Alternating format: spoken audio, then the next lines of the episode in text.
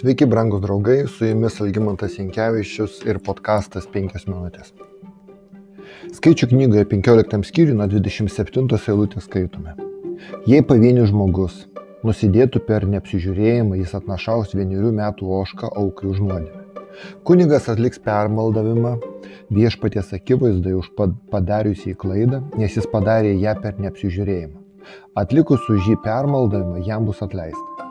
Tiek vietiniam izraelitui, tiek tarp jų gyvenančiam ateiviui turėsite tas pačias apėgas, bet kam iš jų nusidėjusiam per neapsižiūrėjimą. Bet jei kas nors, elgdamasi savavališkai vietinis ar ateivis, užgautų viešpatį, toks žmogus bus pašalintas iš tautos.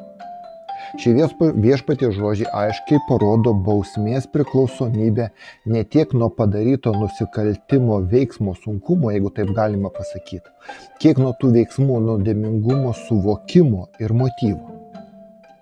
Bene, bene ryškiausias šio a, principo pavyzdys yra įsakymas apie a, nužudimą, gyvybės atėmimą.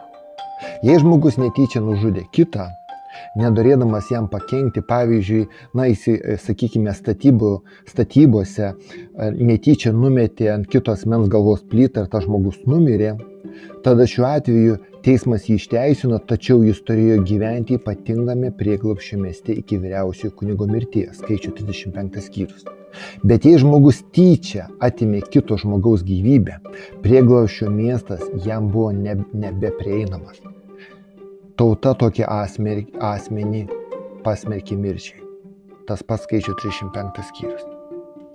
Skirstimas į nuodėmės, jeigu taip galima sakyti, per klaidą ir kabutėse sąmoningas nuodėmės arba vadinamasis pakeltos rankos nuodėmės buvo susijęs viena vertus su žmogaus žinojimu apie Dievo įstatymą, kita vertus dėl jo pasirengimo peržengti sąmoningai šį įstatymą.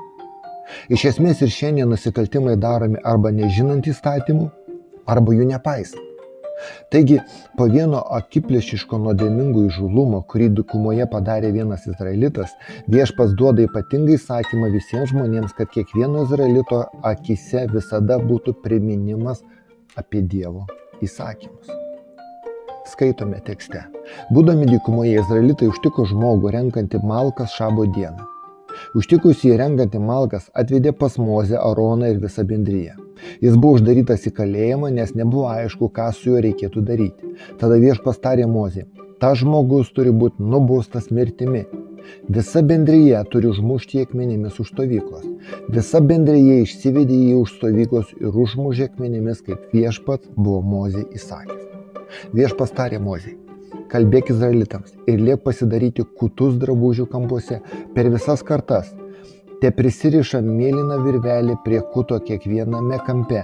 Jūs turėsite kutą, kad žvelgdami į jį atsimintumėte man, visus mano įsakymus ir vykdytumėte juos, nenuklyzdami paskui savo širdies ir akių užgaidas.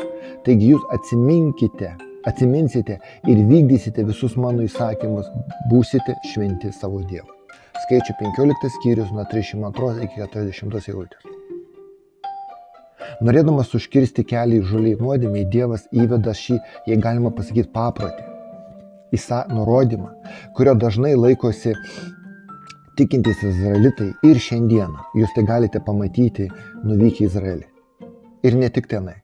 Ypatingą dėmesį reikia, reikia atkreipti į tai, kad Jėzus Kristus paminėjo šį paprotį, kurį pirmą amžiaus fariziejai pavertė religingų kabutėse farsu. Jie viską daro, kad būtų žmonių matomi. Jie pasiplatina maldos diržus ir pasis, pasididina apsiaustus spurgus. Mato 23 skyrius. Čia panaudotas graikų kalbos žodis kuris lietuvių kalboje išverstas į spurgus arba kutus kitose vertimuose. Tai yra mes kalbame iš tikrųjų apie tos pačius kutus, kurie buvo e, priminti jų nešiotojams ir tai buvo priminimas apie Dievo įsakymus. Tačiau fariziejams jie tapo savotiško teisumo, pasirodymo ir pranašumo prieš kitus simbolių. Tai rodo, kad ir net su geriausia tradicija, jeigu kabutėse taip galim pasakyti, su geriausias nurodymas, paskata galima pasiekti absurdą paprasčiausiai, kada pakeičiama jos pirminė prasme. Brangus draugai, nors mes kaip krikščionys neturime tokio papročio gaminti kutus ir juos pasikabinti ant drabužių kraštų. Man asmeniškai to principas, kuris buvo naudojamas tebe, ir tebėra naudojamas izraelitų, atrodo labai naudingas, naudingas būtent dėl praktinės reikšmės. Gerai pagalvojus, turėtume pripažinti, kad iš tikro kiekvieną dieną, tarytum, kutų pagalba, mums reikia prisiminti Dievo įsakymus ir vertinti savo veiksmų motyvus. Man ir jums. Su jumis buvo penkios minutės ir Algymantas Jėginas.